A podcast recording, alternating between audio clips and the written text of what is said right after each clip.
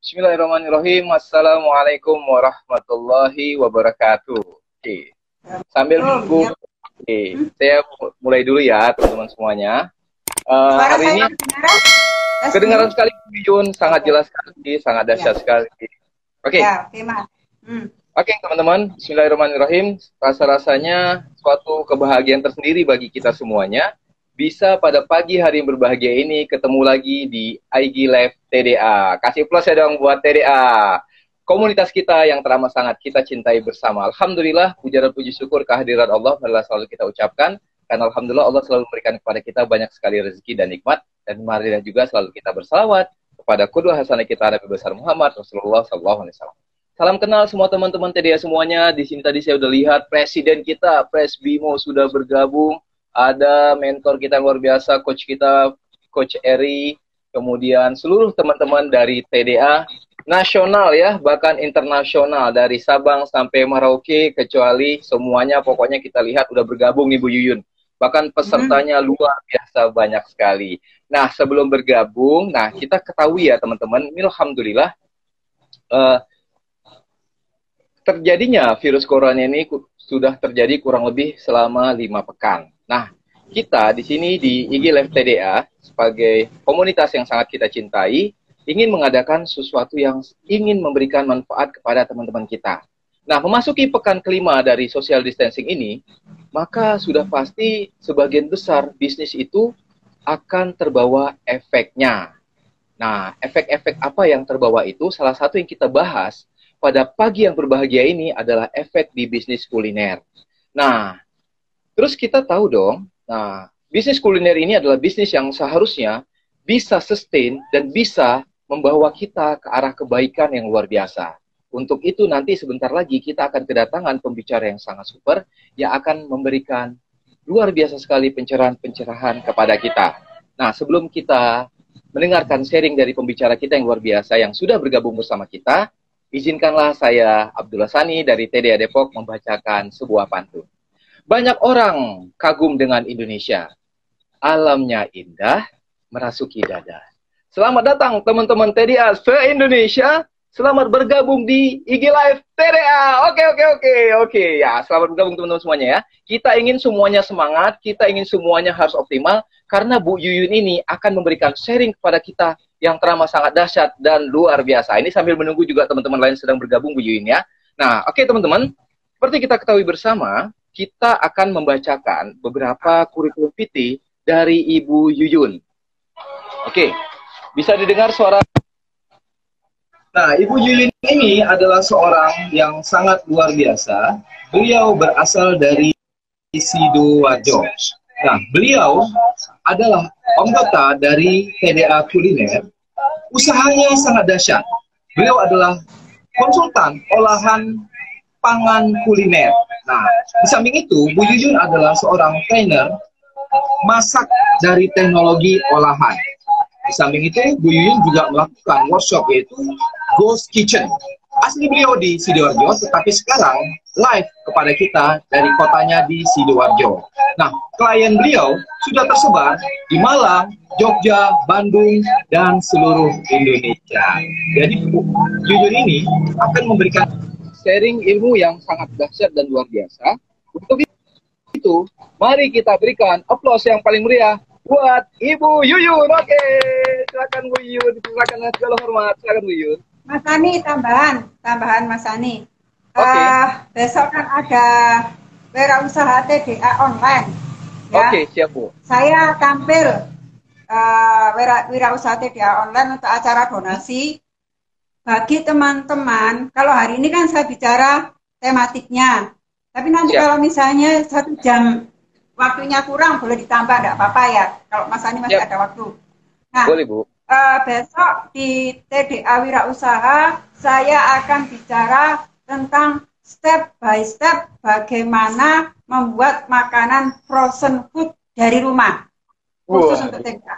Ya, jadi Special kalau besok Ya, besok kalau nggak gabung rugi banget. Ya, okay. jadi besok saya akan bahas tentang bagaimana bikin olahan frozen yang bisa dipakai teman-teman untuk segera pivot dari kondisi yang ada ya pivotnya boleh yang belum punya bisnis kuliner bisa mulai dari pivot dengan menggunakan uh, apa teknik ini atau mungkin okay. teman-teman yang bisnisnya kuliner bisa langsung untuk memper apa memfokuskan di olahan yang frozen jadi besok step by step uh, di acara Wira Usaha TDA online ya besok mas besok jam okay. 10 Jam 10 ya. pagi juga ya, Bu ya? Pastikan jam 10 teman-teman join ya. Oke, dengan senang ya. hati, Bu. Oke. Monggo Mas Ani, kita lanjut ya. ya. Nanti kalau. Anu kan lanjut. Baik, Bu. Uh, ya. Teman-teman kan sudah sudah download atau ini mau ditampilin lagi atau gimana, Mas? Uh, boleh Bu, saya tampilin, nggak apa-apa. Ibu silakan sharing mulai dari uh, slide-nya nanti saya akan tampilin. Sebagian teman-teman sudah ya. pada download. Oke, saya tampilin ya Bu ya.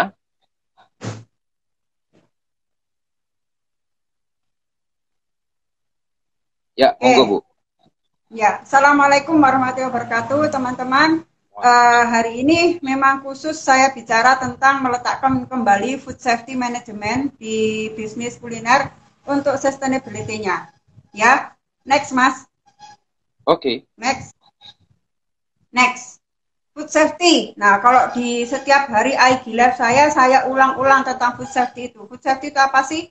Food safety adalah keamanan pangan, kondisi atau upaya yang diperlukan untuk mencegah pangan dari kemungkinan munculnya bahaya biologi, kimia, dan fisik. Ya, ini Undang-Undang Pangan tahun 2012 ya. Saya bukan bohong, tapi ini ada undang-undang ya. Nanti boleh di-download bahwa setiap uh, orang yang bisnis baik kuliner, pokoknya makanan itu wajib memahami undang-undang ini ya. Ini keamanan pangan uh, yang diperlukan, upaya karena ini upaya kita butuh manajemennya ya. Nah, teman-teman food safety ini paling banyak dipahami di pabrikan Mas Ani. Kalau teman-teman kuliner, kalau sekarang saya kan banyak uh, pegang kuliner, itu rata-rata uh, tidak memahami filosofi dari food safety ini adanya COVID-19. Kenapa kita panik? Karena kita tidak punya basisnya untuk food safety ya.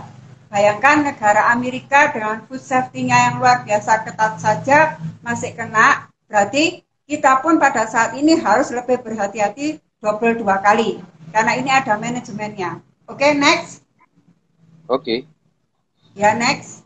Tadi kan kita bicaranya ancaman pangan, Mas. Ancaman pangan ada tiga, biologi, fisik, dan chemical ya. Kapan itu menjadi ancaman? Kalau secara chemical saat makanan tercemar bersentuhan dengan bahan kimia, baik alami atau artificial. Artificial itu misalnya kayak oli, desinfektan. Nah ini mas, desinfektan sering kali diartikan sebagai uh, apa? Uh, memang desinfektan kan untuk membunuh virus dan bakteri. Cuma desinfektan nggak boleh disemprotin ke orang. Desinfektan sekali, Bu. hanya digunakan, iya, nggak boleh disemprotin di orang, bahaya banget. Ya, harusnya desinfektan itu dipakai untuk tangan, bukan untuk kena pernafasan dan sebagainya. Ya, jadi itu termasuk bahaya. Makanya kita jangan overdosis semuanya disemprot-disemprot itu nggak bisa. Karena sebetulnya desinfektan fungsinya untuk membunuh bakteri yang non hygienik ya. Berarti sanitizing untuk benda alat gitu. Di tangan. Tangan ini kan tidak berkaitan dengan uh, apa uh, apa uh, panca indera kita gitu ya. Jadi kalau panca indera kan otomatis masuk entah mata apa itu nggak boleh ya itu kalau terkontaminasi ke makanan kita bisa menjadi sumber bahaya misalnya uh, apa uh, apa uh, wipol untuk pengepel lantai kalau kena makanan kan otomatis makanannya dimakan orang berbahaya. Ya, itu sama saja. Makanya desinfektan tidak boleh disemprotkan ke orang. Gitu, Betul. ya. Oke. Kemudian fisik ya, fisik itu benda-benda kecil misalnya remahan ini remahan apa uh, yang sudah berkarat terus kemudian staples dan sebagainya. Ini enggak saya bahas dulu. Saya banyak fokus di biologi. Jadi adanya pertumbuhan makanan. Jadi saat makanan tercemar oleh organisme mikrobiologi dan virus. Ini penting buat teman-teman yang punya usaha kuliner atau makanan. Kalau era sekarang, karena eranya ada stay at home, orang sedang ketakutan, konsep food safety untuk ancaman pangan mikrobiologi ini harus menjadi tujuan utama. Bahkan eh, kemarin sudah saya sampaikan di live IG saya tentang sembilan protokol dari WHO ya. Ini nanti kalau saya dikasih apa waktu buat untuk mengelola apa uh, support-support teman-teman kuliner TDA berkaitan dengan protokol ini saya ulang-ulang terus mas. Harus diulang ini gitu. Kalau nggak diulang nanti nggak ingat. Karena kita ya. menciptakan culture. Hari ini bahasanya bagaimana menciptakan budaya food safety ya. Jadi biologi biologi ini sangat sulit kita kendalikan. Ini kayak ini mas Ani. Ya, kita ya, itu melawan apa uh, melawan apa uh, santet. Santet sampai bu ya. kita karena apa Iya, kayak melawan santet musuh kita tidak kelihatan. Karena musuh kita tidak kelihatan, berarti kehati-hatian sangat tinggi banget. Jadi seolah-olah cuci tangan itu kegiatan yang biasa aja kali, tapi hal-hal yang kecil itulah yang sebetulnya bisa menghindari terjadinya kontaminasi terhadap uh, apa uh, bakteri. Saya tidak hanya bicara COVID ya, ini bicara semua seluruh bakteri, bicara semua virus itu butuh yang namanya harus dihandle. Jadi cemarannya ada tiga. Saya akan fokus di biologi karena kita sedang pada pada proses uh, apa bagaimana memutus rantai COVID-19. Oke, okay, next Mas. Siap Bu. Next ya. Nah, kita butuh manajemen ya manajemen ini akan mengatur semua proses rantai makanan dari dibelinya bahan baku sampai di meja makan. Jadi kalau teman-teman pengen sukses di bisnis kuliner ataupun di bisnis makanan era COVID-19 ini wajib ada. Saatnya sekarang teman-teman untuk meletakkan kembali manajemen mutu dan keamanan pangan ini. Ini saatnya. Saya paham untuk mengajak karyawan cuci tangan itu sulit karena tidak semua orang, tidak semua karyawan kita itu punya culture yang sama, Mas. Ya. Betul, betul sekali. Apalagi kalau teman-teman itu bisnisnya kuliner agak sulit. Kalau produksi enak, Mas, dimasukin di ruangan, kamu tidak boleh keluar, masuk cuci tangan, keluar cuci tangan, kamar mandi cuci tangan, bisa diawasi. Tapi kalau kuliner terbuka seperti itu agak sulit banget. Jadi di sini yang diperlukan adalah culture ya. Makanya kalau sekarang ditanya, Bu, apakah owner harus turun posisi sekarang? Wajib turun saatnya untuk meletakkan kembali manajemen ini ya. Karena ya. satu-satunya yang menyelamatkan bisnis Anda adalah konsistensi kita untuk tetap e, menempatkan food safety itu sebagai dasarnya. Kalau food safety-nya udah selamat, kualitas itu akan nyusul kok mas. Karena kalau sekarang kita nggak meletakkan manajemen itu, orang tidak percaya dengan produk kita, sehingga dia cenderung memilih untuk ya wes dah, aku tak masak aja. Dia akan memilih perusahaan-perusahaan besar yang secara notabene sudah memiliki manajemen food safety dengan baik. Jangan sampai kita kehilangan momen ini gitu loh. Makanya saya tiap hari nekat ya, ada yang dengerin, nggak ada yang dengerin, pokoknya saya ngomel, nggak apa-apa, biarin saya, ini orang ngomel tiap hari food safety, karena memang food safety ini harus diomelin mas, ya, sampai telinganya merah, baru dia akan ingat, ingat, ingat, kalau kita tiap hari mendengar tahu apa, tahu bulat itu kan lama-lama kan, akhirnya otak kita kan kemasukan seperti itu.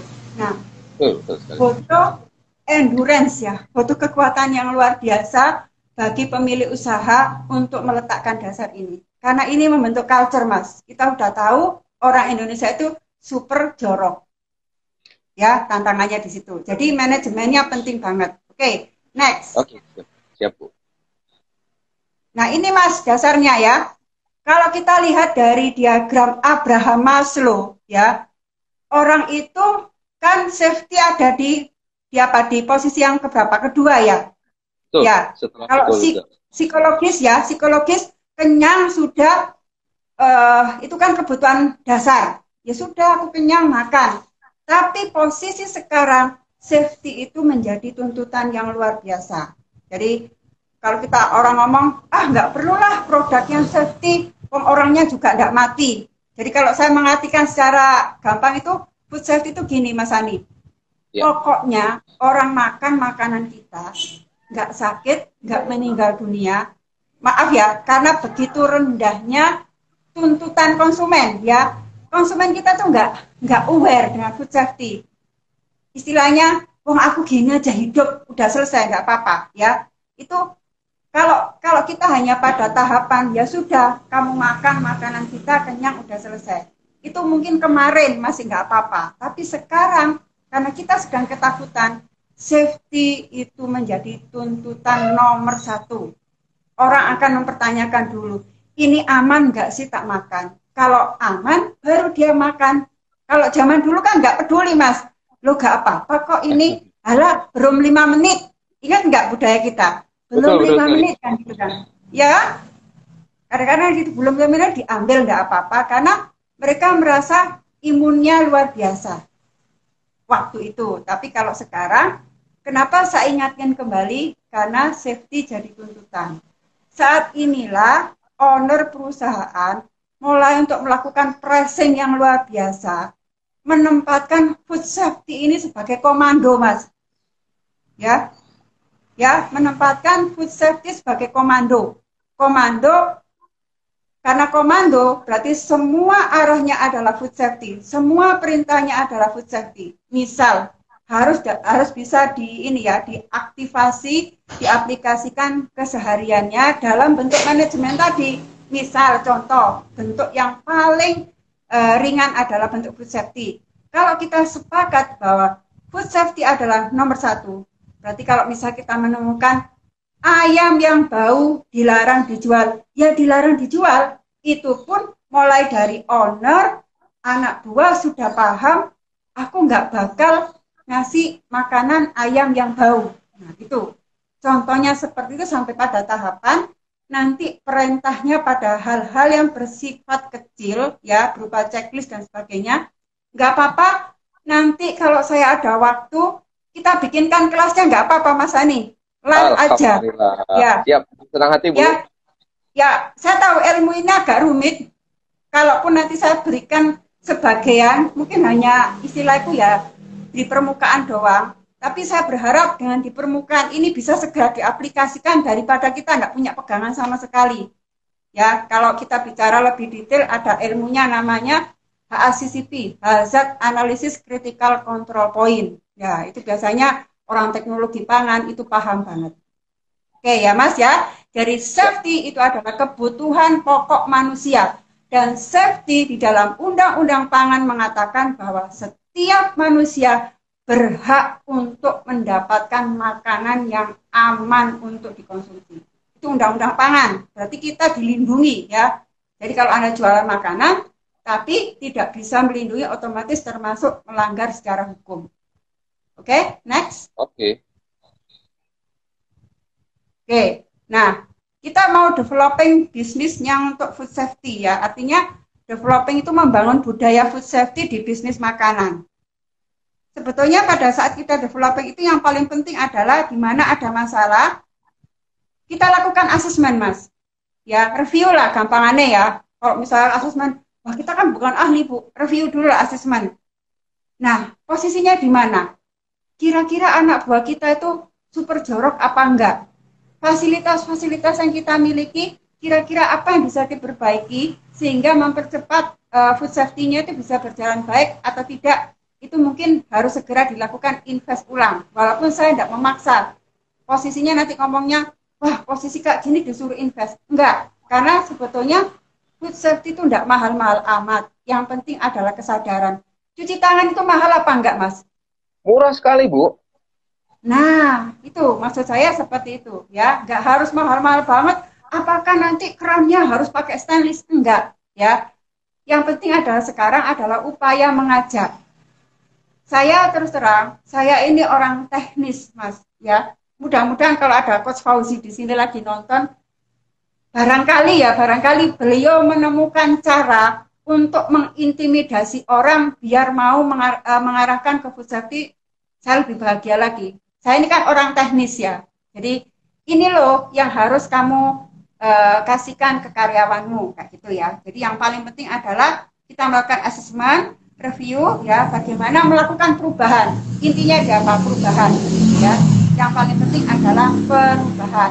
Oke, okay, next. Siap. Nah, peran budaya Mas ya, sama tugas budaya. Yang pertama adalah menentukan bagaimana karyawan berperilaku dan mengikuti aturan. Menentukan bagaimana karyawan berperilaku dan mengikuti aturan. Jadi, sekarang posisinya sedang krisis COVID-19. Tulisi aja semuanya. Ya, restoran kita ditulisi, dapur ditulisi ya, ditulisi dengan perintah cuci tangan dan sebagainya. Itu ditulisi, tidak apa-apa. Ditulis, suruh baca, di briefing, diulang-ulang, di review, di monitoring ya. Ya, yep. kalau memang agak sulit, pengalaman saya ini Mas Ani untuk menerapkan food safety itu gaya militer.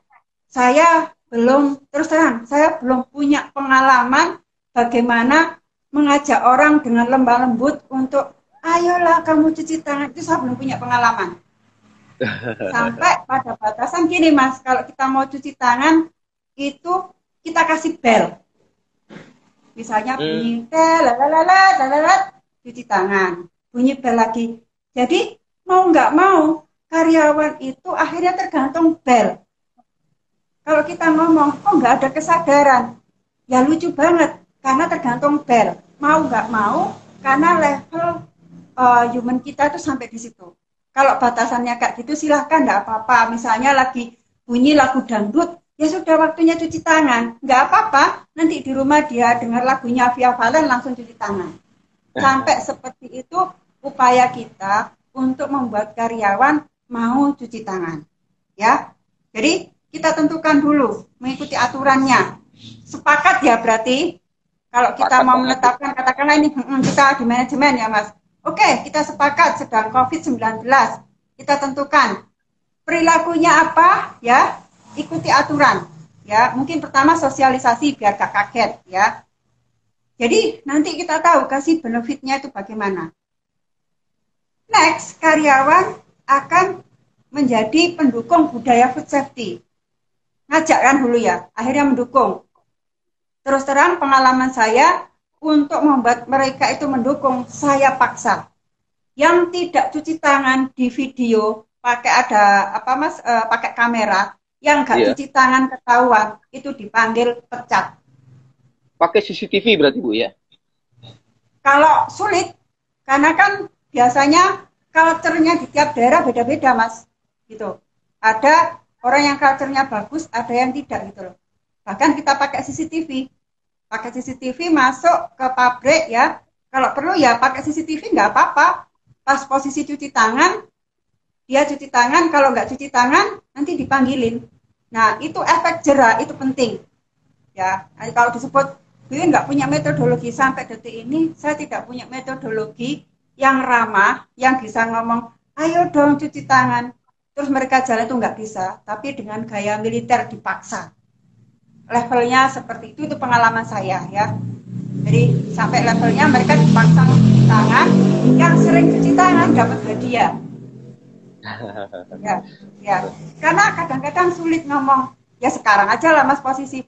Ayolah cuci tangan. Itu kan sulit banget kan untuk mengatakan ke, ke, ke, kepada mereka. Padahal the reason why-nya itu sudah benar-benar horor loh ya. Nyawa loh urusannya. Tapi kan sulit kan? Sulit nggak mas? Sulit kalau saya. Ya. Jadi waktunya kita untuk apa? Kalau kemarin saya lagi diskusi radikalisme manajemen mas. Soal food safety ini harus radikal kalau bagi saya. Kalau nggak radikal nanti sulit. Jadi kalau misalnya anak-anak sekarang lagi butuh pekerjaan ya, nggak apa-apa, ya. masukkan aja di KPI. Nggak cuci tangan, pecat. Itu aja.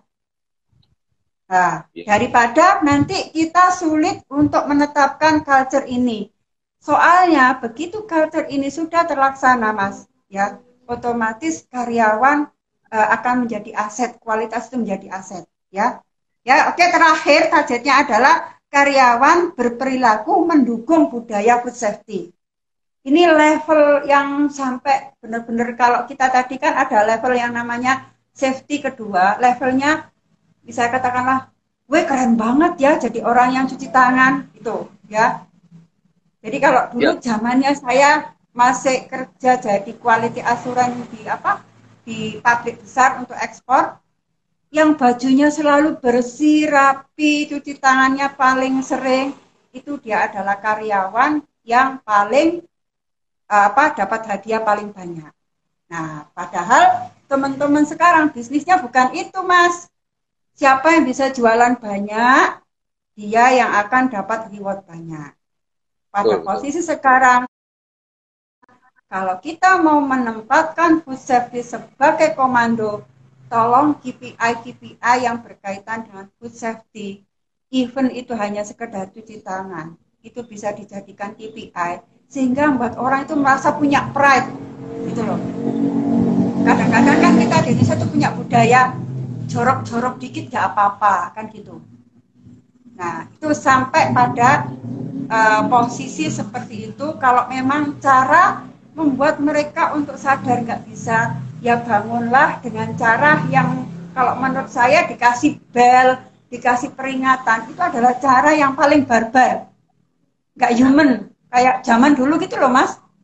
Bel ini ini semua orang jalan. Jadi kayak ini ya kayak kita mau ngasih maaf ya ngasih makan anjing. Ini ini ini oh waktunya makan. Kalau memang cara itu efisien lakukan nggak apa-apa. Kalau perlu misalnya pagi suruh jahat apa suruh berderet-deret untuk cuci tangan satu persatu saya biasanya ada ritual itu pagi masuk kerja mereka cuci tangan satu persatu saat itulah kita sedang memasukkan ke alam bawah sadar mereka. Inilah food safety. Inilah food safety. Nah, di briefing mungkin tiap pagi juga harus dimasukkan berkali-kali ya. Kalau perlu diulang sampai tujuh kali. Baru masuk ke alam bawah sadar. Ya. Jadi kita akan tahu mas, orang yang peduli food safety dan tidak. Kalau tidak peduli itu dia nggak fokus dengan risiko keamanan pangan. Ya pasti dia ngomong gini, ah makanannya nggak apa-apa deh, nggak panas, nggak masalah, kan bukan aku yang makan. Hmm. Nah, yang bahaya lagi Mas Andi, kalau pengalaman saya, ini pengalaman saya lihat. Ya, kalau kita punya karyawan, kalau saya tanya, kamu makan makan makanan agak basi gini, mau nggak? Nggak apa-apa Bu sih bagi saya. Itu pecat aja yang karyawan kayak gitu tuh. Oh. Berarti dia tidak peduli ya. Ya. ya, ya. Bukan benci loh. Yang bahaya itu kan nggak peduli.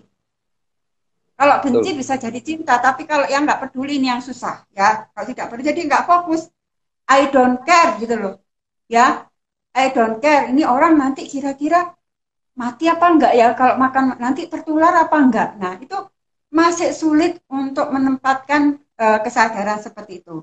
Tapi kalau orang peduli, mas, balikannya, resiko itu teridentifikasi. Ya. Teridentifikasi sehingga ada perbaikan. Misalnya itu akan kelihatan. Bu, untuk cuci tangannya itu sekarang sedang rusak. Tolong diperbaiki ya. Itu jadi skala prioritas, bukan dianggap waduh untuk cuci tangan kerannya rusak, udah biarin. Begitu keran rusak, apa yang dilakukan anak-anak? Cuci tangan enggak? Pasti, Bu. Enggak cuci tangan kan? kan? Uh -uh. Hmm, itu indikator. Kalau sudah ada karyawan ngomong gini, Pak, kerannya rusak, nggak bisa cuci tangan ya anak-anak. Ini penting ya. Itu berarti dia sudah punya kesadaran. Seringkali kan, maaf ya beberapa owner, Pak kerannya rusak. Keran rusak aja ngomong. Wajib ngomong ke owner, itu benar. Kenapa? Karena kita sedang menempatkan food safety sebagai komando. Kelihatannya lucu ya Mas Andi ya? Halo? justru kita mendapatkan info yang sangat bagus sekali nih Bu tentang pentingnya food safety dari Ibu. Ya, kelihatannya kan lucu kan, kalau hanya keran aja gitu loh. Ya indikator yang kita kan kelihatan. Misalnya, yang kedua turnover karyawan jadi tinggi banget gitu loh. Karena lagi komplain, kalau komplain reputasi mas, hmm. gitu. Apalagi kalau sekarang posisi COVID-19 itu yang harus yang yang menyelamatkan bisnis kita cuma satu sih mas, reputasi. Reputasi itu kan brand ya. Trusty ya orang percaya. Ya nah itu itu itu penting banget. Sehingga sebetulnya kadang-kadang kita nggak sadar penyebab ruginya bisnis kita itu bukan karena karyawan yang yang apa yang yang jorok. Tapi karena kita owner tidak bisa meletakkan budaya itu. Ya. Kadang-kadang kita nggak sadar ya oh ternyata kualitas berkurang kualitas rusak. Uh, misalnya katakanlah tambah lama tambah basi jeleknya orang Indonesia itu kan nggak komplain mas. Hmm. orang Indonesia itu kan uh, apa ya minggat. Bayar minggat. Jadi kalau karena kita punya budaya ya kita punya kalau komplain itu dianggap nggak sopan terutama makanan ya. Kalau saya misalnya jalan sama keluarga saya terutama ibu saya bilang kalau saya komplain saya ngomong makananmu nggak enak agak basi. Bukan saya sedang merendahkan tapi saya warning karena saya mencintai. Tapi orang Indonesia kan nggak mas. Paling ngomongnya gini wes nggak usah ke sana nggak enak. Kan gitu toh? Nggak ngomong tapi nggak mau ke sana lagi ya bu ya Iya, nggak usah ke sana, udahlah nggak usah ngomong, nggak usah ke sana gitu. Nah itu kan bahaya banget. Makanya semakin banyak orang komplain, kita pengusaha semakin aware. Jangan sampai orang komplain terus kemudian kita ketakutan, alah cerewet banget.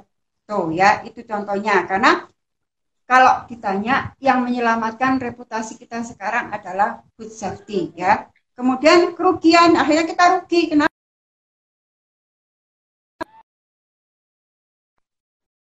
Efisien atau high cost. Kenapa?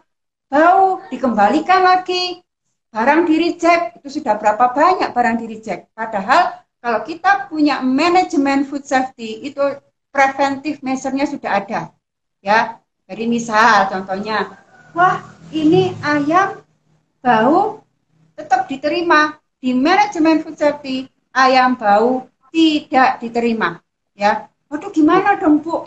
Hari ini kan kita perlu sales. Karena mindset ownernya adalah sales, sales, sales. Otomatis karyawan akan bilang sales dulu, keselamatan berikutnya. Jadi pada posisi sekarang kita harus melakukan apa ya Mas ya? Pembaharuan.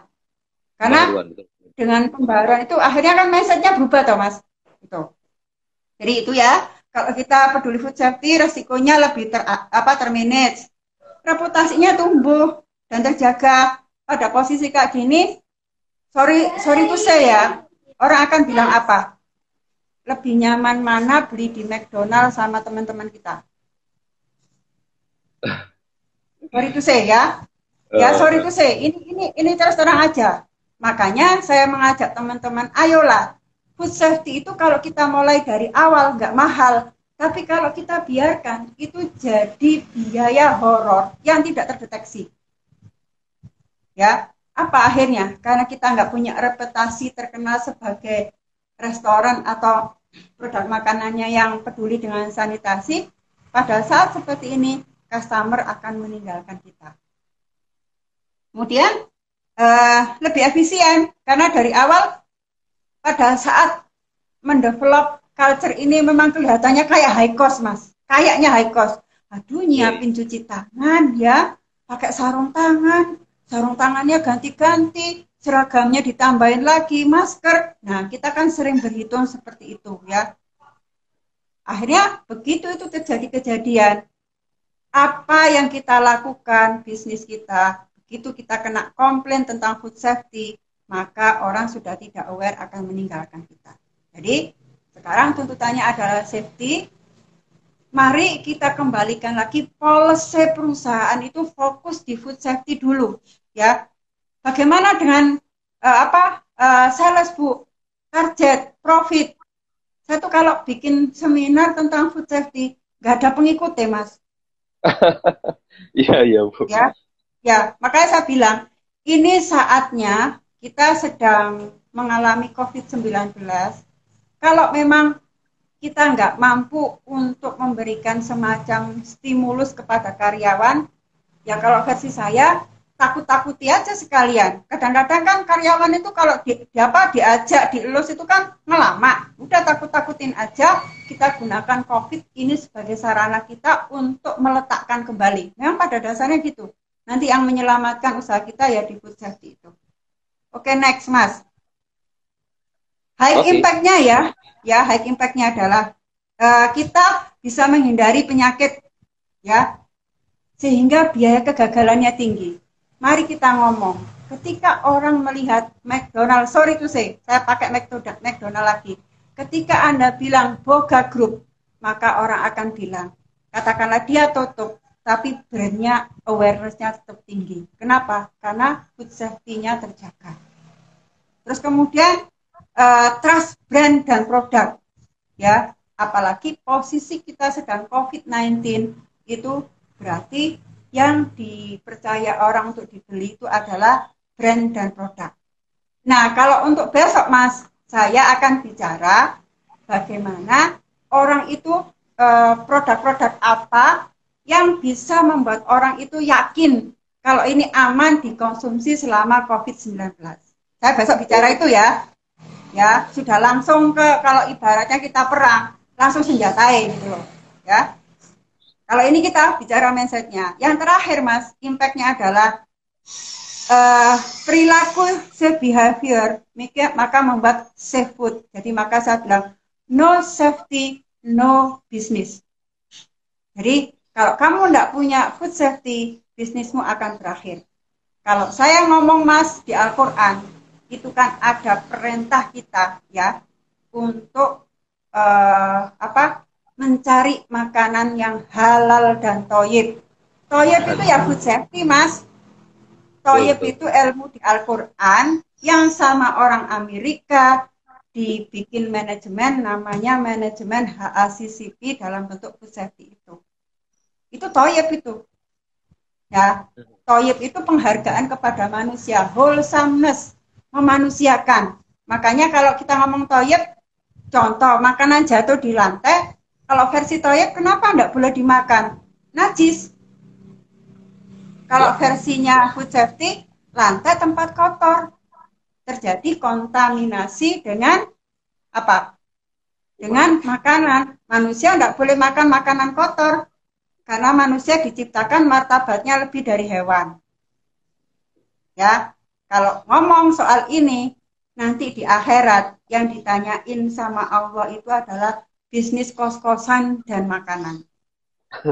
Oke, kita su sudah berusaha untuk bikin manajemen ya.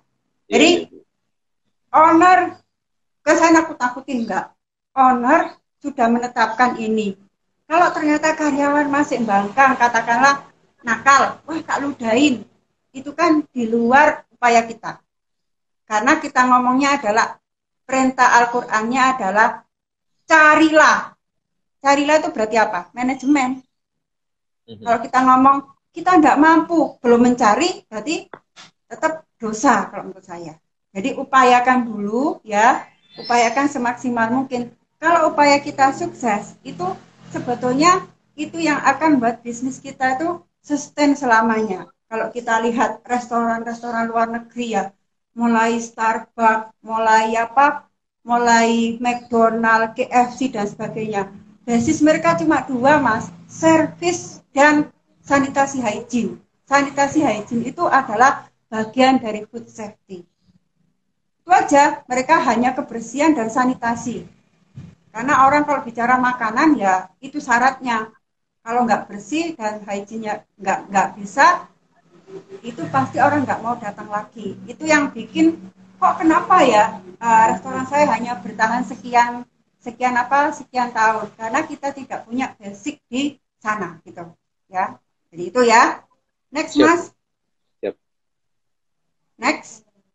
Empat step to food safety ya. Empat step. Jadi empat langkah pada saat kita membuat produk yang safe. Ini berkaitan dengan COVID-19 ya Mas ya. Clean, bersihkan, masak, chill. Clean, bersihkan, masak, chill. Ya, empat tahapan ini penting banget. Ini uh, nanti kita akan banyak sering live IG. Bulan depan kan Ramadan, Mas. Betul, nggak sampai Bu, tinggal ya. paling 10 hari lagi. Oh iya ya, tinggal berapa hari ya? Iya. Dua minggu ya? berapa minggu. Kalau Ramadan jualan makanannya gimana? Harus digelar-gelar di jalan kan kayak gitu kan? Betul, Bu. Iya kan? digelar-gelar di jalan kan kayak gitu. Nah, jangan sampai teman-teman TDA nanti tidak bisa menjawab kebutuhan konsumen akan makanan yang bebas dari COVID-19. Jadi ini nanti empat prinsip yang akan kita terapkan bagaimana kita mengolah makanan agar bebas dari COVID-19. Ya memang COVID-19 tidak tidak apa tidak bisa di, apa tidak bisa ditularkan makanan tapi makanan bisa terkontaminasi sehingga orang e, menjadi sumber gitu loh. Ya di makanan nggak bisa tumbuh covidnya ya. Baru dia akan berkembang kalau diingus dan sebagainya tapi makanan bisa menjadi sumber kontaminasi. Ini empat tolong dicatat teman-teman. Empat ini adalah tahapan kalau nanti teman-teman TDA mau bikin bisnis kuliner, mau bikin untuk acara Ramadanan, jangan lupakan empat prinsip ini karena ini adalah prinsip untuk membuat makanan kita bebas dari COVID-19. Kalau semua pengusaha bergerak fokus di food safety, Mas, insya Allah ya, semua orang stay at home, nggak keluar-keluar dulu, biar kita tuh cepat selesainya. Nanti nambah-nambah lagi kalau nggak ini, gitu loh. Ya. Iya, iya. Ini bagian dari upaya ke sana ya. Oke, next, Mas. Jadi, siap. Uh, apa keep food safe itu uh, termasuk di dalamnya adalah cuci tangan, hygiene ya. Itu ada di situ ya. Time temperature control, Mas. Boleh di agak di zoom di situ. Time temperature control. Oke. Okay. Kenapa tadi saya bilang makanan cuci pisahkan kalau nggak panas dingin. Jadi COVID-19 kena panas mati mas. Paham ya? ya paham bu. Kena dingin nggak bisa tum tumbuh ya. Virus bakteri di suhu panas mati. Di suhu dingin tidak bisa tumbuh. Sehingga bahayanya kita adalah makanan di suhu ruang. Hmm. Jadi habis masak makanannya ditaruh di suhu ruang ya ditaruh di surau ini berbahaya. Kenapa? Karena bisa aja si bakteri atau virus mampir.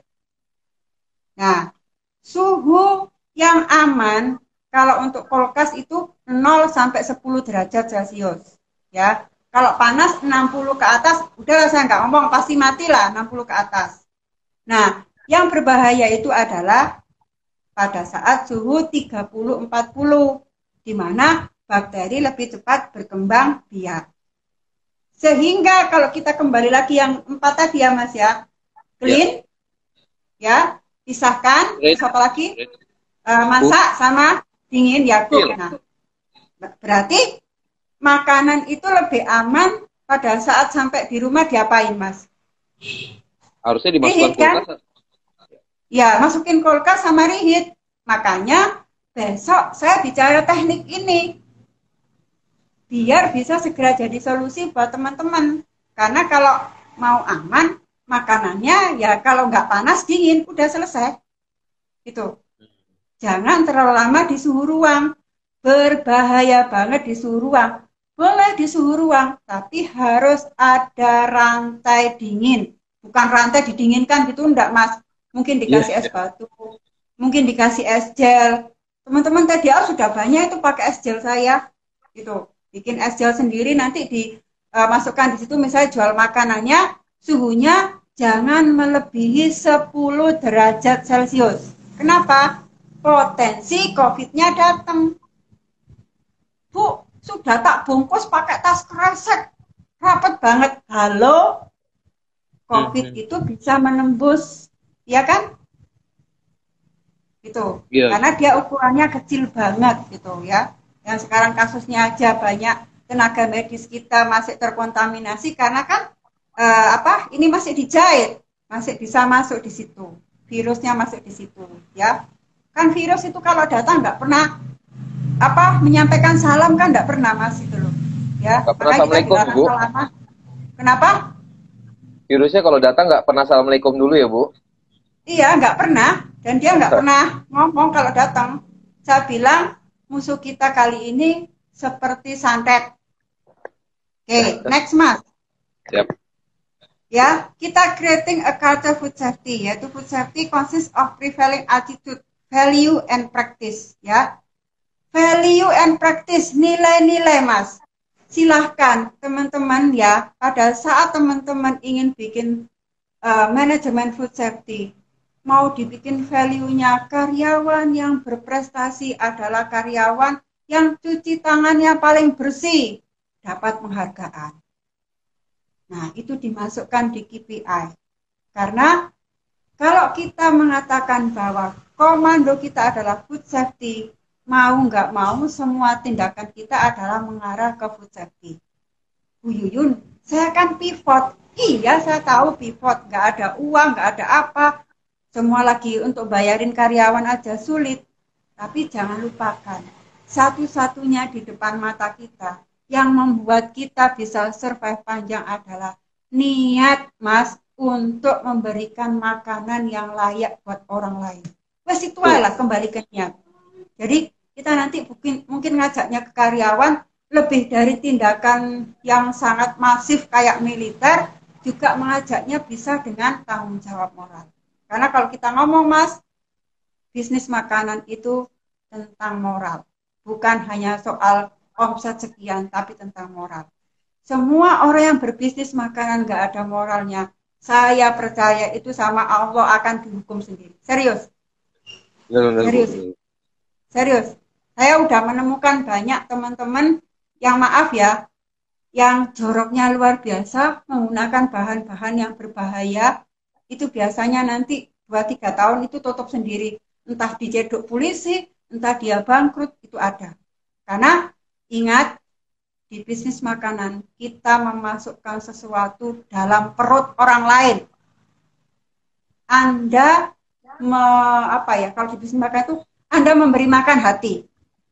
Kalau makanan yang Anda bikin itu makanan yang jorok dan kotor, hati yang tumbuh adalah hati yang kotor. Pantes kan Indonesia hatinya julid karena makanannya nggak aware dengan food safety. Coba lihat orang Jepang, sopan-sopan, karena aware dengan food safety. Gitu. Ya. Ini kalau kita ngomong moralitas secara keseluruhan, sehingga saya berharap jadikanlah COVID-19 ini moment of the truth kita untuk mengembalikan food safety sebagai komando. Ya, sebagai komando. Karena ini enggak investasinya enggak gede, hanya masalah willingness ya willingness disertai dengan enduran yang luar biasa. Ya. ya. Karena harus harus raja ngomel ini Mas. Ngomel tiap hari, ngomel tiap hari kan. Iya, iya. Itu kira-kira Mas, mohon maaf terlalu bersemangat berapi-api. Wah, justru kita senang nih Bu, banyak dapat insight dari Ibu nih. Oke Bu, uh, hmm. karena waktunya juga uh, sekarang ini sudah menjelang jam 11 ya Bu ya. Kita akan buka ya. forum tanya jawab ya Bu ya. Boleh, monggo. Oke, kepada teman-teman semuanya, mungkin yang ingin bertanya dari seluruh nasional uh, dan internasional, lokal dan interlokal, dipersilakan sekarang dibuka forum tanya jawab. Nah, bisa diketik di situ, nanti akan saya bacakan dan akan kita tanyakan langsung kepada narasumber kita yang luar biasa, yaitu Ibu Yuyun. Nah, sambil menunggu teman-teman yang bertanya, uh, izinkan lagi saya memberikan beberapa informasi ya Bu ya. Kami semua hmm. dari TDA mengajak kepada teman-teman untuk berdonasi untuk membantu supaya ringankan musibah yang terjadi akibat virus corona ini. Kami membuka rekening di rekening Bank Mandiri, Mandiri atas nama Yayasan TDA Indonesia dengan nomor rekening 120 000 atas nama Yayasan TDA Peduli Indonesia. Nanti bisa kontak personnya yaitu Azwa dengan nomor telepon 0857 2882 7826. Oke, sambil menunggu pertanyaan dari teman-teman yang lain, juga ada beberapa informasi yang ingin kami sampaikan yaitu apa, teman-teman?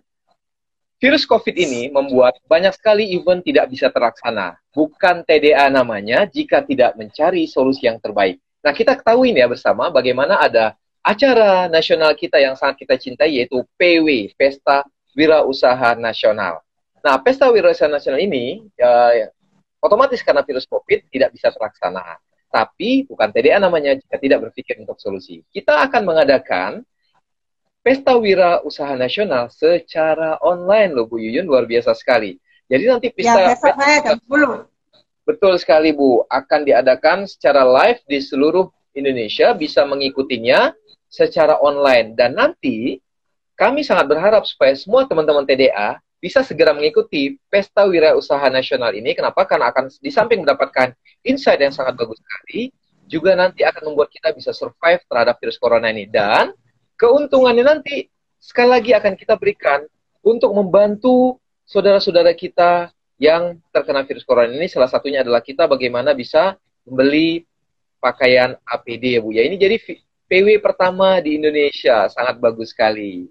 Oke, teman-teman, kita masih membuka pertanyaan pada narasumber kita yang luar biasa sekali, yaitu Ibu Yuyun. Nah, sambil menunggu juga Bu Yuyun ya, saya ingin juga memberikan membaca pantun sedikit ini. Di sana gunung, di sini gunung. Cakep. Di tengah-tengah ada orang naik kuda. Jika ingin bisnis Anda menggunung, pastikan selalu ikutin live IG TDA. Yes, yes, yes. TDA memang ya. di hati semuanya. Ya.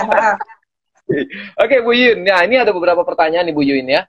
Uh, pagi Bu Yuyun dari Aswin Yuna. Saya mau tanya, kalau makanan setelah dimasak kan dalam kondisi panas, lalu masuk kemasan. Nah ini kalau diantar via kurir, kira-kira menurut Ibu termasuk aman nggak Bu ya? Soalnya kan makanannya masih panas. Nah ini mohon uh, advice dari Bu Yuyun. Ada pertanyaan dari Om Aswin Yuna. Kalau masih panas, kalau masih panas malah aman, Mas. Oh, aman, aman. ya, Justru ya orang nerimanya uh, posisinya harus benar-benar aman. Jadi kalau mau efisien misalnya masak sekian, taruh di warmer kan kayak gitu. Mm -hmm. Jadi harusnya memang orang nerima posisinya itu panas, lebih aman begitu. Gitu. Oke, okay, berarti atau mungkin uh, jadi jadi atau mungkin uh, kalau makanannya dingin berarti kasih sejas boleh di reheat lagi taruh di magicom taruh di apa uh, teflon dan sebagainya itu enggak apa-apa ya. Lebih ya. enak lagi gini mas ya, ya. karena di covid 19 itu kita butuh kepastian food safety-nya. Horor ya. orang takut yang luar biasa. Itu kasih traceability. Misal ya, ya makanan ini dimasak oleh Bapak Sani jam sekian Wah. jam sekian. Nah. Ya ya bu. Itu memberikan semacam kepastian data kepada konsumen. Oh, restoran ini fair ya, terbuka. Yang masak namanya Sani. Kalau dia ada apa-apa, bisa ditelusuri. Nah, traceability ini penting. Sangat penting banget. Karena orang kan ragu, Mas. Ini ya. kira-kira uh, aman apa enggak? Anda kasih traceability kayak gitu makanan ini jam sekian dimasak oleh sekian, masaknya jam sekian. Ya, diantar oleh kurir sekian sekian. Jadi dia udah tahu, oh tahapannya kita bisa mengikuti. Ya, itu namanya traceability. Oke. Bisa ditelusuri ulang itu lebih aman buat mereka. Baik, jadi traceability ini justru membuat mereka merasa lebih nyaman ya Bu ya, karena mereka bisa menelusuri semua. Iyalah. Baik. Oh, ya. ada pertanyaan lagi dari Bu uh, Mega Rindawati uh, Bu Yuyun di saat hmm. COVID-19 ini kan masuk ke Indonesia, kita ketahui akhirnya usaha-usaha kuliner memperlakukan penggunaan sarung tangan plastik ataupun latex. Nah, kira-kira Bu mohon di-sharing bagaimana cara penggunaan yang benar terhadap penggunaan sarung tangan plastik ini dalam usaha kuliner. Kalau yang plastik sekali pakai, ya. Hmm. Kalau yang latex itu eh, apa? Kalau sekali pakai ya jebol ya. Kita ngomongnya kan kayak gitu. Kalau pengalaman saya yang latex boleh deh setelah dipakai sekian nanti ya terutama untuk pegang makanan yang matang ya mas ya kalau berkaitan ya. dengan pegang makanan yang matang itu boleh pakai sarung tangan terus kemudian nanti sarung tangannya dicuci tiap berapa lah satu jam sekali dengan menggunakan alkohol ya semprot dengan ya. alkohol bisa itu Iya, Bu Yuyun ini terpaksa pegang pakai tangan. Bu Yuyun penjelasannya sangat bagus dan mendetail sekali dan saya melihat nih sangat banyak pertanyaan-pertanyaan yang diberikan oleh seluruh teman-teman kita nasional di TDA. Bu, mohon izin nanti seandainya sudah terputus satu jam, boleh kita sambung sedikit lagi Bu, karena saya melihat masih banyak sekali pertanyaan-pertanyaan dari teman-teman. Gak apa-apa ya Bu ya, karena tidak menjelang satu jam. Oke, jadi teman-teman, ya, sesuai rekomendasi dari IG, IG Live itu hanya 60 menit atau satu jam. Jadi kami nanti mohon izin, jika nanti terputus, segera stay tune di official TDA agar kita bisa mengikuti sharing-sharing dari Bu Yun yang sangat luar biasa ini. Sebenarnya kalau Bu Yun satu jam kayaknya kurang Bu Yun ya. Gimana kalau kita perpanjang sampai zuhur Bu Yun? Kepanjangan juga ya Bu Yun ya. Oke oke Bu Yun. Oke, pertanyaan berikutnya adalah seperti ini Bu. Bu Yuyun dari Romi Alfarabi. Idealnya profit bersih untuk owner pada usaha kuliner apabila 10 sampai 15%, apakah masih wajar, Bu? Kemudian, saya merasa penjualan tinggi namun profit bersih hanya 10 15%, kira-kira bagaimana, Bu? Uh, advice dari Ibu tentang katakanlah margin 10 sampai 15% di usaha kuliner. Itu margin bersih atau gimana, Mas Romi? Kalau saya ya? saya margin bersih, Bu, karena beliau tulis di sini oh, idealnya ya, profit. Iya, iya, iya. Ya wes wajar mas mau minta berapa. Jadi kalau ada orang ngomong 50% bullshit itu. Nggak ada itu 50% ya. Kalau Anda mainnya di kuliner 10 15, apalagi mainnya di kelas C, Mas. Ya paling 10 hmm. 15 karena mainnya kapasitas. Ya, karena sekarang persaingannya udah ketat. Hari ini aja kalau kita ngomong yang teman-teman TDA yang punya bisnis garment banting setir ke mana kalau nggak ke kuliner? Berarti kan persaingannya tambah ketat ini. Betul, betul. Iya kan? Ya, ya. persaingan tambah ketat. Jadi kalau Anda bilang 10 15 Anda dapat 15 itu alhamdulillah luar biasa itu bersih gitu ya. Apalagi main di C gitu. Kelas C misalnya ya apa kelas C kalau up mungkin ya yang hotel apa itu. Tapi kan pembelinya sedikit. Nah, itu bisa. Okay. Mungkin okay. kalau teman-teman kesama ngitung profitnya kan gini Mas. HPP ya. 50% dikalikan 20% seolah-olah hidupnya seindah Cinderella gitu ya. Langsung hari itu jadi ratu, 50% enggak gitu ya. Iya. Tetap di bisnis kuliner apalagi lagi diincer otomatis persaingan ketat. Oke. Okay. Oke, okay, Ibu, uh, buat teman-teman semuanya, bagi yang bertanya, biar kita lebih mudah merecognize-nya, mohon tulis pertama tanya uh, titik dua, sehingga kita bisa lebih mengetahui apa yang teman-teman tanya. Oke, selanjutnya Bu Yuyun, pertanyaan dari Annie underscore ya. Siang Bu Yuyun, saya mau bertanya.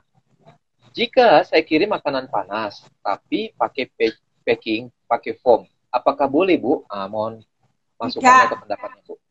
Tidak langsung jawabannya. Karena oh, foam itu nanti kan uh, uh, uh, tidak food grade ya. Cari yang apa plastik yang food grade nggak apa-apa. PE itu food grade ada. Gak harus pakai foam. Kalau pakai foam nanti lapisan foamnya itu lontar di makanan. Hanya foam yang tidak boleh. Tapi kalau panas mas, pakai plastik bakso itu panas itu boleh. PE boleh pakai panas. Oh. Sering salah persepsi gitu kan mas ya. Yeah, yang nggak yeah. boleh panas itu foam sama PP. PP hmm. itu yang plastik untuk kue yang bening itu loh mas. Iya iya betul sekali. PP itu nggak bisa itu. Kalau kena panas dia langsung gitu, gitu masuk di makanan. Oke, okay. iya Bu Eniria sudah dapat uh, masukan dari Bu Yuyun. Berikutnya ada pertanyaan lagi nih Bu dari Yugo Yudansha. Bu, kalau usaha kopi hmm. susu sekarang sudah full take away dan snacknya pun harus take away. Kira-kira ada saran buat kafe es kopi susu? Karena untuk buat makanan atau snack saran Ibu kira-kira sesuai dengan waktu saat ini apa ya Bu? Gitu Bu. Kalau menurut saya kopi laris lah Bu, lagi stres kok. Saya aja di rumah bikin kopinya tiga kali sehari. Ya, kopi iya, tetap iya. laris. Gitu Ya itu, yang oh. pertama kopi tetap laris, orang tetap butuh kopi, cuma kan mesti harus dikirim. Nah, terus oh. snack, ya pastilah kalau kemarin uh, kalau setelah makan pasti apa? Orang kalau kalau nggak ngerjain apa-apa kan tambah lama tambah stres cari snack. Ya. Iya, iya. Ya, kalau ceritanya kemarin teman-teman semalam kan saya kelas frozen mas. Itu yang jualan brownies laku minta ampun. Dia ngaku. Anak TDA kayaknya Bu, brownies saya bulan ini larisnya luar biasa. Mungkin manis kali ya, Mas ya. Manis itu bisa ya, membuat stres berkurang. Ya. Oh.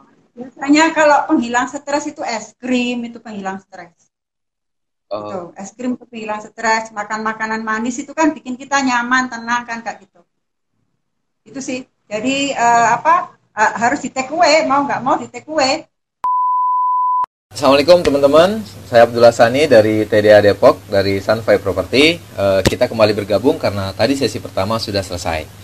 Kita sekarang sedang menunggu narasumber kita Bu Yun ya. Uh, mohon maaf karena memang sesinya adalah 60 menit saja. Nah ini kita akan masuk sesi berikutnya. Kita akan menunggu narasumber kita Ibu Yuyun supaya kita bisa melanjutkan lagi sharing yang luar biasa dari beliau. Oke Bu Yuyun. Kita invite Bu Yun dulu ya. Oke, kita menunggu Bu Yun sebentar teman-teman ya. Sekali lagi, hmm, luar biasa. Alhamdulillah. Terima kasih sekali ya. Mohon maaf tadi terputus karena sudah 60 menit. Monggo hmm. Bu, dilanjut. Oke. Okay. Hmm. Ya. Ter terkait tadi Bu yang uh, Ibu sampaikan yang terakhir penjelasannya monggo. Tadi pertanyaannya apa Mas terakhir? Uh, apa uh, plastik ya? Iya. Plastik uh, ya. Plastik. Ya. ya. Jadi kalau pakai pakai apa styrofoam enggak boleh ya. Tapi kalau pakai plastik PE bisa. PE yang plastik bakso itu yang burem itu plastik PE itu bisa.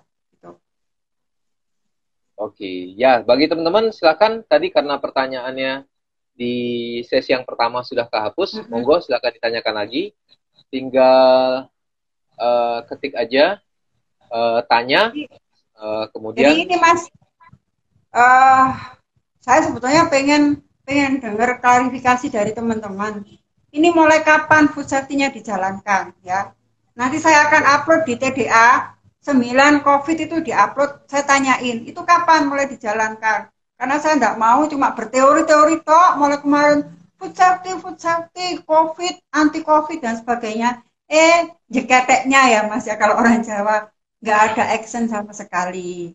Udah ada nggak apa monitoringnya? Udah di checklist nggak gitu loh? Di review nggak karyawannya ya? udah ditempatkan nggak policy ya saya perlu policy tekad ya toket tekad bahwa food safety adalah komando perang saat ini. Gitu. ini kayak ya yes, gitu ya mas. Tapi memang kalau misalnya food safety komando perang sekarang ya. Jadi semuanya harus mengabdi pada kepentingan keselamatan manusia gitu. Oke presiden kita udah bergabung nih bu. Sam Deka. Oh iya mas Doni ya ahlan wasalan Om Sam Deka ya di IG Live TDA kita. Oke, jadi Bu, Bu Yuyun menerangkan dan mengingatkan lagi betapa pentingnya food safety bagi seluruh kita semuanya, karena ini adalah panglimanya Bu ya. Bahkan tadi Bu Yuyun bilang, kalau perlu kita agak-agak keras bahkan militer, supaya memang hmm. food safety ini bisa diterapkan di seluruh uh, tempat dan seluruh karyawan kita. Gitu. Oke teman-teman, kami masih membuka sesi tanya jawab kepada teman-teman yang ingin bertanya kepada narasumber kita yang luar biasa, yaitu Bu Yuyun. Beliau akan memberikan jawaban yang terbaik, mudah-mudahan akan memberikan solusi juga yang terbaik bagi kita semua. Oke, teman-teman sambil menunggu pertanyaan-pertanyaan lagi, nah ini mumpung Sam Deka udah hadir Bu ya, Presiden kita, saya mau membacakan pantun lagi nih Bu, sambil kita menunggu.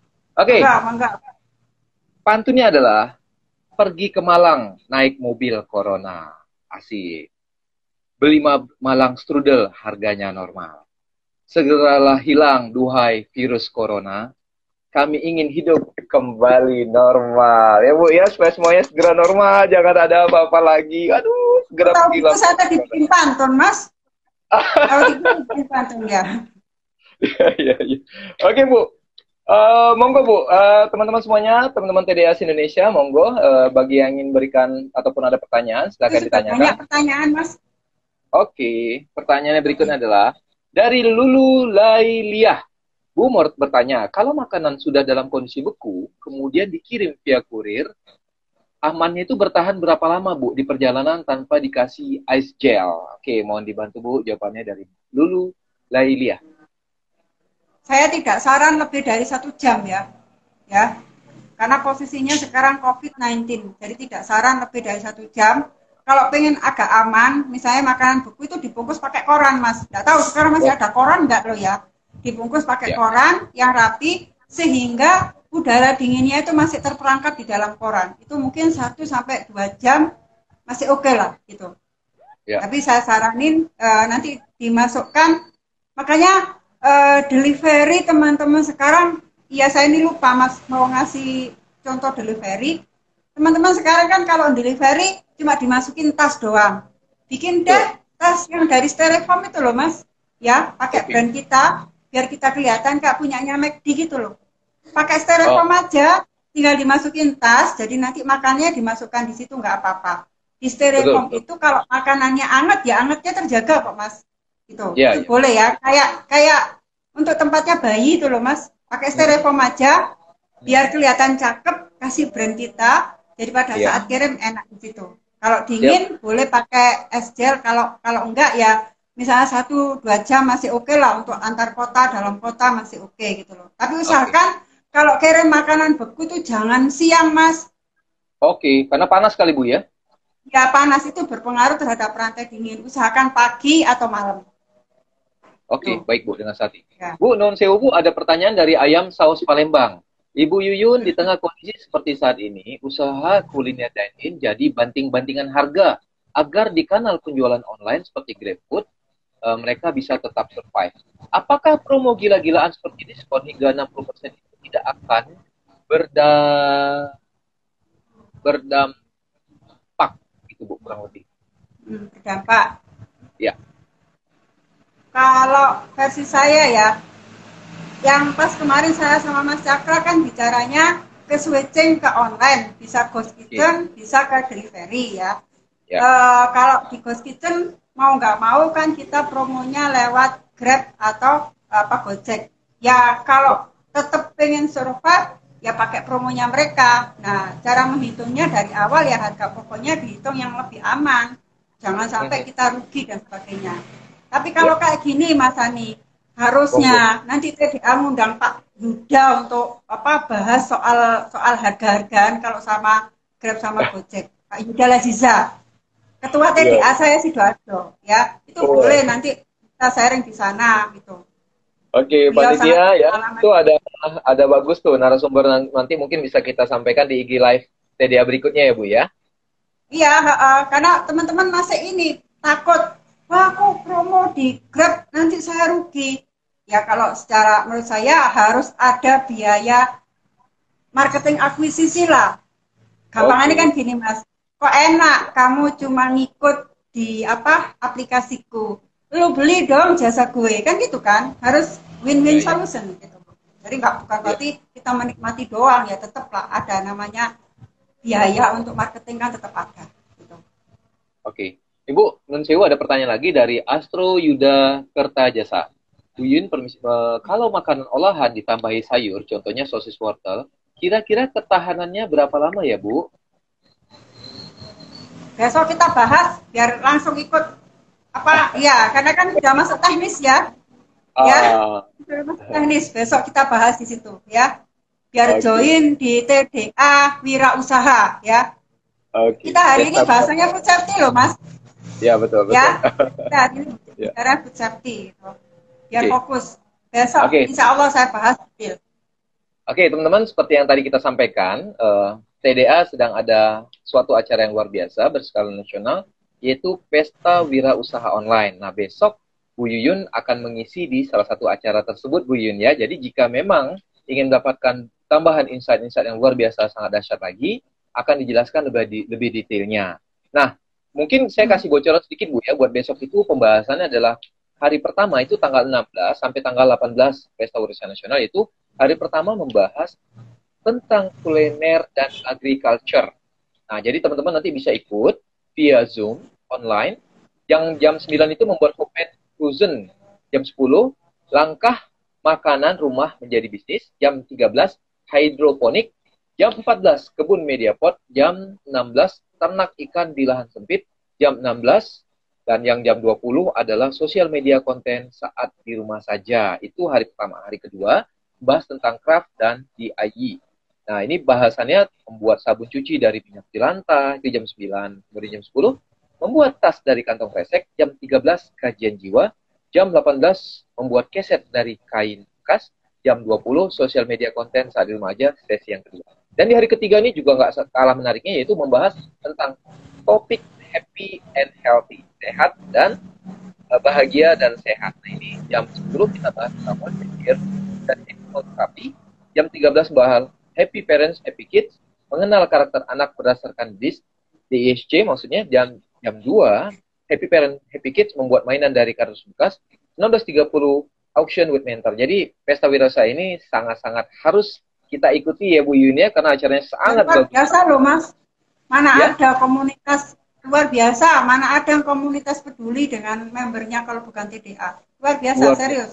Benar-benar, ya. wah, sangat apa, sekali. Salut buat teman-teman yang di tengah penderitaannya dia, dia masih memikirkan penderitaan orang lain. Ya, salut buat teman-teman okay. Ya. Salut.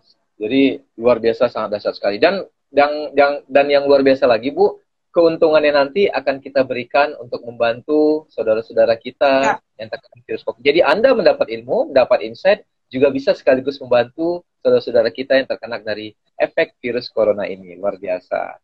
Ya, dan tak lupa kami juga dari TDA meng menginformasikan kita membuka rekening khusus yaitu Yayasan TDA Indonesia uh, yang di nomor Bank Mandiri 12 0 0 0 0 1 tiganya lima kali nol atas nama Yayasan TDA Indonesia TDA Peduli Khusus.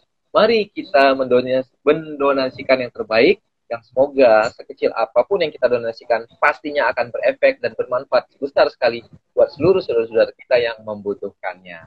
Oke, Bu Yuyun, saya yakin banyak sekali eh, pertanyaan-pertanyaan yang ingin disampaikan teman-teman, tapi waktu juga lah yang membatasi kita. Mohon izin Bu, sebelum ditutup, kita ingin mendengarkan closing statement dari Ibu terkait dengan food safety ini. Mohon disampaikan Bu. Uh, closing statement saya bahwa marilah momen COVID-19 ini kita jadikan sebagai upaya untuk meletakkan kembali dasar-dasar food safety sebagai culture ya karena culture itu berarti jiwa menjadi kebiasaan kalau sudah menjadi kebiasaan ini akan menjadi aset intangible aset yang luar biasa bagi sustainable perusahaan kita ya. Jadi tidak ada alasan untuk mengatakan food safety itu mahal. Ini kembali lagi kepada niat ya kepada niat dan endurance kita untuk setiap hari mengingatkan cuci tangan untuk setiap hari ganti baju untuk setiap hari apa uh, membersihkan uh, badan untuk setiap hari pancinya sudah selesai dicuci apa belum ini memang pekerjaan seolah pekerjaan emak-emak, tapi culture kita berangkat dari sini, ya. Jadi ini momen yang luar biasa, tepat banget. Kalau karyawan kita nggak takut, ya, biasanya susah dikendalikan, takut-takuti dengan COVID-19.